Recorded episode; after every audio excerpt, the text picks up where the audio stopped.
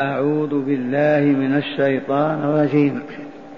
وما كان لنبي أن يغل. قراءة سبعية. وما كان لنبي أن يغل.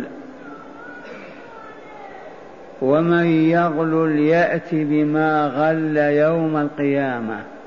ثم توفى كل نفس ما كسبت وهم لا يظلمون. أفمن اتبع رضوان الله كمن باء بسخط من الله ومأواه جهنم وبئس المصير. هم درجات عند الله والله بصير بما يعملون. لقد من الله على المؤمنين إذ بعث فيهم رسولا من أنفسهم يتلو عليهم آياته ويزكيهم ويعلمهم الكتاب والحكمة. وإن كانوا من قبل لفي ضلال مبين. وما كان لنبي أن يغل. وما كان لنبي أن يغل. ومن يغل يأت بما غل يوم القيامة. ثم توفى كل نفس ما كسبت وهم لا يظلمون. أفمن اتبع رضوان الله كمن باء بسخط من الله ومأواه جهنم وبئس المصير. هم درجات عند الله والله بصير بما يعملون. لقد من الله على المؤمنين إذ بعث فيهم رسولا من أنفسهم يتلو عليهم آياته ويزكيهم ويعلمهم الكتاب والحكمة وإن كانوا من قبل لفي ضلال مبين. وما كان لنبي أن يغل ومن يغل يأت بما غل يوم القيامة. ثم توفى كل نفس ما كسبت وهم لا يظلمون. أفمن اتبع رضوان الله؟ كمن باء بسخط من الله ومأواه جهنم وبئس المصير. هم درجات عند الله. والله بصير بما يعملون. لقد من الله على المؤمنين إذ بعث فيهم رسولا من أنفسهم يتلو عليهم آياته ويزكيهم ويعلمهم الكتاب والحكمة وإن كانوا من قبل لفي ضلال مبين. معاشر المستمعين والمستمعات من المؤمنين والمؤمنات يقول تعالى وما كان لنبي أن يغل. ما الغل؟ ما الإغلال؟ ما الغلول؟ هذه مأخوذة من غله يغله إذا وضع الغل في عنقه وشد يديه مع عنقه. ومنه الأغلال التي في الأعناق. والمراد هنا أن يأخذ من الغنيمة شيئا خفيا بحيث لا يطلع عليه المجاهدون ويأخذه لنفسه دونهم. يبقى ما السبب؟ لنزول هذه الآية. لا شك أن بعض المنافقين أشاعوا أن النبي صلى الله عليه وسلم قد أخذ شيئا من الغنيمة بدون إطلاع أصحابه المجاهدين. وسواء كان هذا شملة تمت في بدر أو في خيبر أو في أي مكان آخر أو أن الذين هبطوا من الجبل جبل الرماة خافوا أن يكون الرسول يستأثر ببعض الغنيمة دونهم فعلى كل حال أبطل الله هذا الزعم وهذا الافتراء وهذا الظن. فحاشا رسول الله صلى الله عليه وسلم أن يغل. فقال تعالى وما كان لنبي من الأنبياء أن يغل فكيف بسيد الأنبياء؟ وخاتمهم وهذه الصيغة صيغة النفي الذي لا يمكن أن يكون أبدا. ليس من شأن نبي من أنبياء الله أن يغل فكيف بخاتمهم وسيدهم وإمامهم؟ وما كان لنبي أن يغل. ومن يغلل يأتي بما غل يوم القيامة. أيما شخص مع نبي من الأنبياء يجاهد ثم لما وجدت الغنائم أخفى منها شيئا ولو خاتم من حديد ولو شمل ولو شراك نعل ولو ولو لا يحل أبدا للمجاهدين أن يخفي أحدهم شيئا من الغنيمة قبل قسمتها. ولهذا الإغلال أو الغل أو الغل من الغنيمة من كبائر الذنوب بالإجماع. إلا أنه لا تقطع يده كساق. وأما الإثم فإنه عظيم وحسبنا أن نسمع أن من غل يأتي يوم القيامة بما غل.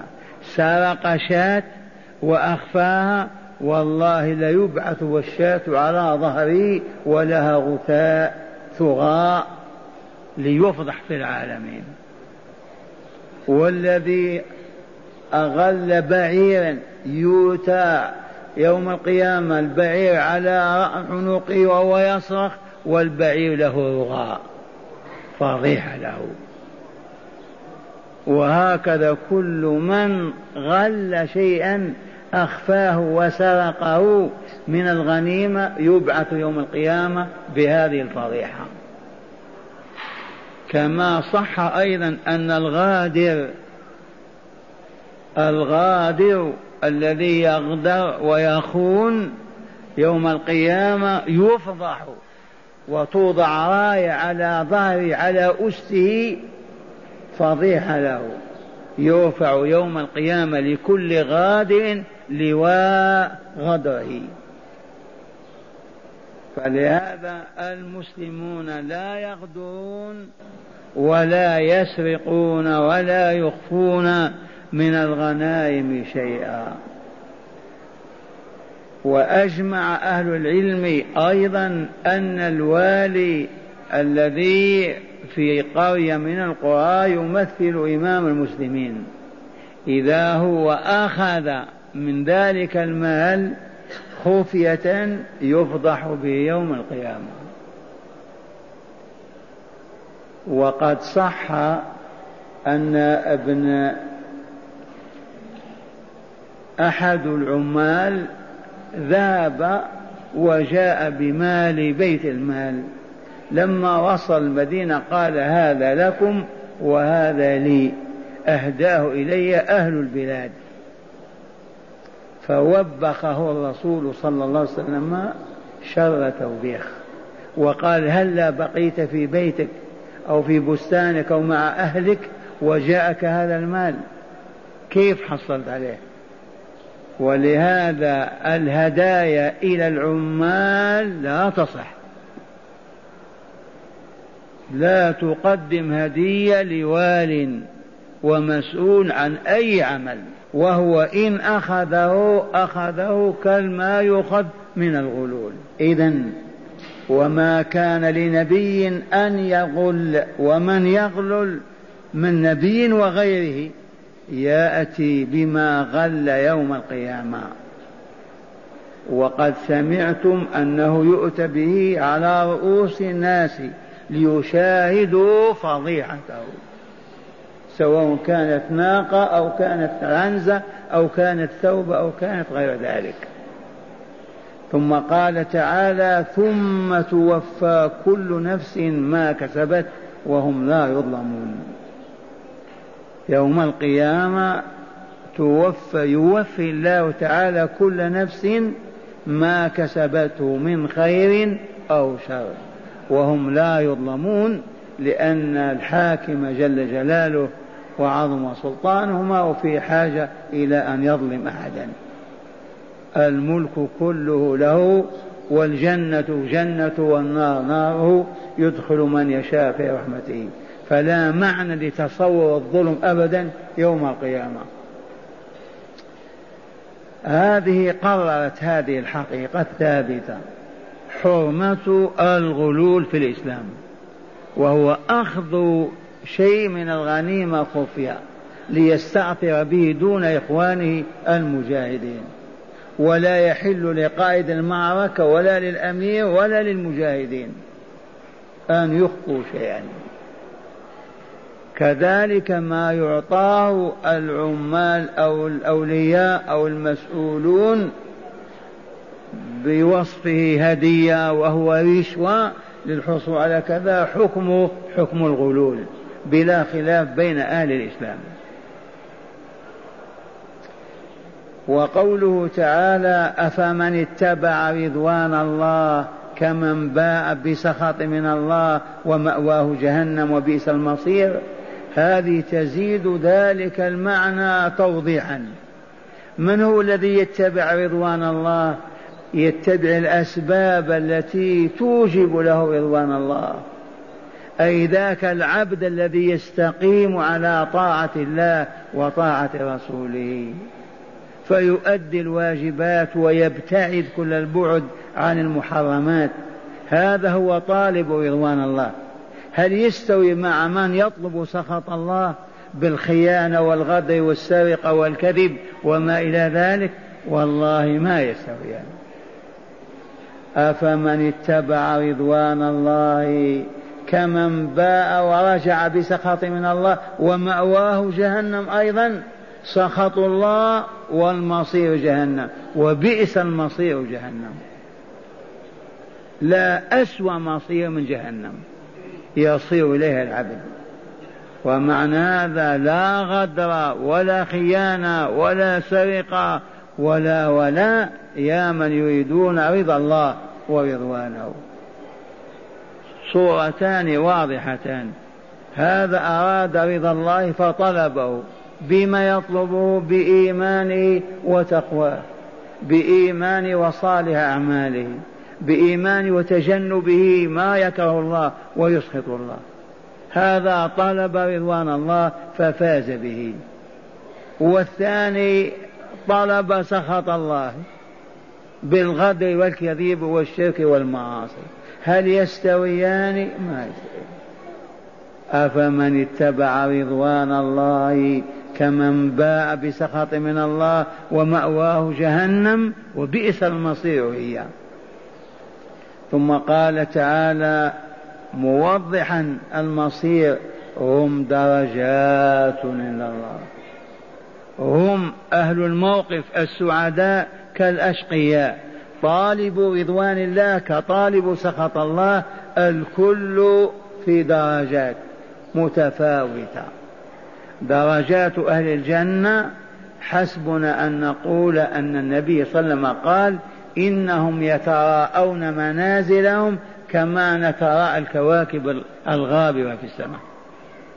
وأهل النار دركات وعبر عنها بالدرجات للمناسبة. وإلا الهبوط دركات والصعود درجات دائما وابدا. ودركات أهل النار قال تعالى في المنافقين في الدرك الأسفل من النار. إذا يا طالبي رضوان الله بالإيمان وصالح الأعمال والبعد عن الشرك والذنوب والآثام إن درجاتكم متفاوتة تفاوتا عظيما. ويا طالبي سخط الله بالخيانة والغدر والسرقة والشرك والمعاصي اعلموا أيضا أن دركاتكم متفاوتة بحسب كثرة الذنوب وقلتها. هذا حكم الله. ثم تعالى قال لعباده المؤمنين ولعل هذا السياق حرك ضمائرهم قال لهم اسمعوا لقد من الله على المؤمنين فلله الحمد والمنة. ومن هنا ليس من المن هذا من المن من بمعنى العطاء والإفضال والإحسان. لأن والله له أن يمن علينا أليس كذلك؟ لكن من الإنسان؟ على الإنسان لا يصح فيه أذى له.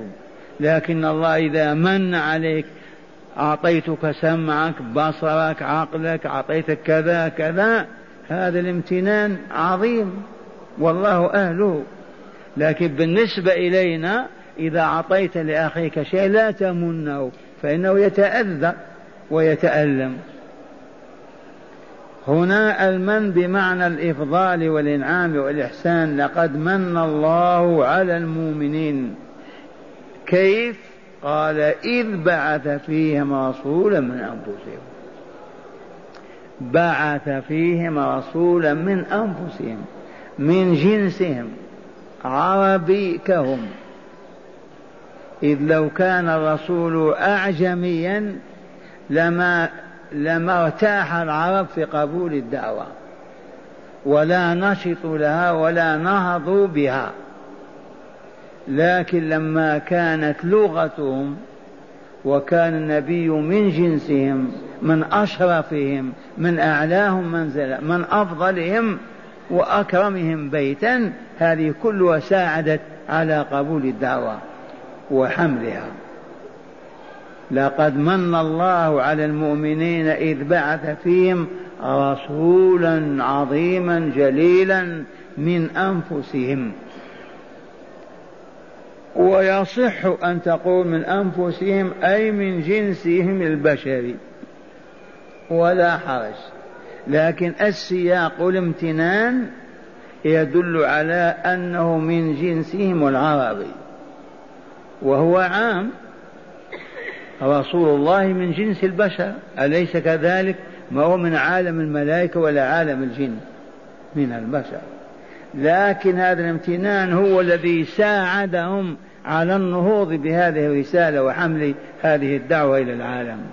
شعروا بأنهم مسؤولون. قال لقد من الله على المؤمنين إذ بعث فيهم رسولا من أنفسهم يتلو عليهم آياته من صفاته أنه يتلو عليهم آياته آيات من؟ آيات الله الذي من عليهم بإرساله هذا أولا ويزكيهم ثانيا أي يطهر أنفسهم وقلوبهم ويطهر مشاعرهم وآدابهم وأخلاقهم ونفسياتهم وكذلك فعل. كثيرا ما نقول والله ما اكتحلت عين الوجود بأفضل من أصحاب رسول الله. في آدابهم وأخلاقهم وكمالاتهم وذلك نتيجة تزكية الرسول لهم. زكاهم طيبهم وطهرهم في أخلاقهم وآدابهم وكل سلوكهم. يشاهد ويقول ما بال أقوام يفعلون كذا أو يقولون كذا. وما زال كذلك حتى قبض وأصحابه من خيرة البشر كمالا. ويعلمهم الكتاب والحكمة. هذه المنة الكبيرة. يعلمهم الكتاب الذي هو القرآن والحكمة التي هي السنة النبوية وهي مبينة للقرآن شارحة له مفسرة له. وهذه الحكمة عامة تناولت الأكل والشرب واللباس والركوب والنزول والحرب والسلم وكل شؤون الحياة ما خلت منها حكمة رسول الله صلى الله عليه وسلم. ما طلبت السنة في ميدان من ميادين الحياة إلا وجدتها. وأخيرا قال وإن كانوا من قبل نعم وقد كانوا من قبل في ضلال مبين. أي قبل البعثة النبوية. كيف كان العرب؟ كانوا وثنيين. منهم من يعبد الجن ومن يعبد الأصنام والأحجار. وكانوا وكانوا كغيرهم. لكن الواقع أنهم كانوا في ضلال واضح بين لا يشك فيه عاقل. من أنقذهم بها من هذا الضلال؟ الله عز وجل. بأي واسطة؟ ببعثة رسوله صلى الله عليه وسلم وما أنزله عليه من الكتاب الهدى وما وفقه له وأعانه عليه من تعليمهم وتزكيتهم وتربيتهم حتى نموا وكملوا وأصبحوا أكمل الخلق. هذه الآيات الأربع أسمعكم وها مرة ثانية وتأملوا. وما كان لنبي أن يغل. ليس من شأن نبي يغل. ومن يغلل يأتي بما غل يوم القيامة. لما يأتي به لما لينتفع به يأتي به ليفضح به. والله يأتي الرجل وعليه البعير يقول يا رسول أعني. فيقول لا لقد بينت لك يا فلان. هذا الذي طهر المجتمع وأصبح مجتمع أمن كامل لا خيانة ولا غدر فيه. ولولا هذا التعليم كيف يصبح هذا المجتمع أفضل مكان في العالم؟ بهذه التعاليم وما كان لنبي أن يغل أن يغل ومن يغل يأتي بما غل يوم القيامة ثم توفى كل نفس ما كسبت وهم لا يظلمون. أفمن اتبع رضوان الله كمن باء بسخط من الله ومأواه جهنم وبئس المصير؟ الجواب لا. هم درجات عند الله. بحسب جهادهم وصبرهم وصيامهم وهو ما هم في مستوى واحد. درجات وإلا لا؟ درجة أبي بكر أعلى درجاتهم. مثلا درجات عند الله والله بصير بما يعملون. فيجزيهم بحسب عملهم لأن الله مطلع عليه عليم به كيف لا؟ وهو خالقه وموجده. لقد من الله على المؤمنين إذ بعث فيهم رسولا من أنفسهم يتلو عليهم آياته ويزكيهم ويعلمهم الكتاب والحكمة. فلهذا الذين يجلسون للمعلمين يجب أن يقول لهم زكوا أنفسنا. لا تعلمون فقط.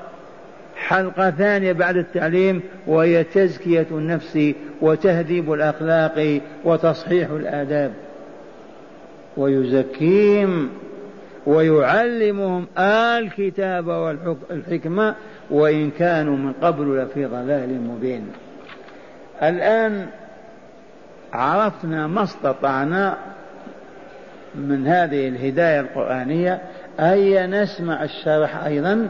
لنزداد معرفة يقول الغل والغلول والإغلال بمعنى واحد وهو أخذ المرء شيئا من الغنائم قبل قسمتها وما دام السياق في غزوة أحد فالمناسبة قائمة بين الآيات السابقة وهذه. ففي الآية الأولى ينفي تعالى أن يكون من شأن الأنبياء أو مما يتأتى صدوره عنهم الإغلال. وضمن تلك وضمن تلك أن أتباع الأنبياء أو وضمن تلك أن أتباع الأنبياء يحرم عليهم أن يغلوا. إذا كان النبي لا يغل فأتباعه لا يغلون. ولذا قرئ في السبع أن يغل بضم الياء وفتح الغين. يغل أن يفعله أتباعه بأخذهم من الغنائم بدون إذنه صلى الله عليه وسلم. هذا معنى قوله تعالى وما كان لنبي أن يغل. ثم ذكر تعالى جزاء وعقوبة من يفعل ذلك. فقال ومن يغلل يأتي بما غل يوم القيامة ثم توفى كل نفس ما كسبت وهم لا يظلمون. فأخبرهم تعالى أن من أغل شيئا يأتي به يوم القيامة يحمله حتى البقرة والشاة كما يبين كما بين ذلك في الحديث. قال جاء في صحيح مسلم أن أبا هريرة قال قام فينا رسول الله صلى الله عليه وسلم ذات يوم فذكر الغلول فعظمه وعظم أمره ثم قال لا ألفين أحدكم أي لا أجد أحدكم يجيء يوم القيامة على رقبته بعير له رغاء يقول يا رسول الله يا رسول الله أعني فأقول لا أملك ذلك لا أملك لك شيئا قد بلغتك. ثم ذكر الفرس أيضا والشاة والنفس والرقاع وهكذا. قال ثم ذكر تعالى جزاء وعقوبة من يفعل ذلك. فقال ومن يغلل يأتي بما غل يوم القيامة ثم توفى كل نفس ما كسبت وهم لا يظلمون. فأخبرهم تعالى أن من أغل شيئا يأتي به يوم القيامة يحمله حتى البقرة والشاة كما بين ذلك في الحديث. ثم يحاسب عليه كغيره ويجزى به كما تجزى كل نفس بما كسبت من خير أو شر. ولا تظلم نفس شيئا لغناء الرب تبارك وتعالى عن الظلم ولعدله تعالى هذا مضمون الآية الأولى. أما الثانية قال ينفي تعالى أن تكون حال المتبع لرضوان الله تعالى بالإيمان به ورسوله وطاعتهما بفعل الأمر واجتناب النهي كحال المتبع لسخط الله تعالى بتكذيبه تعالى وتكذيب رسوله ومعصيتهما بترك الواجبات وفعل المحرمات. فكانت جهنم مأواه وبئس المصير جهنم. هذا معنى قوله تعالى أفمن اتبع رضوان الله كمن باء بسخط من الله ومأواه جهنم وبئس المصير. ثم ذكر تعالى أن كل من أهل الرضوان وأصحاب السخط متفاوتون في درجاتهم عند الله بحسب أثر أعمالهم في نفوسهم قوة وضعفا فقال تعالى هم درجات عند الله والله بصير بما يعملون.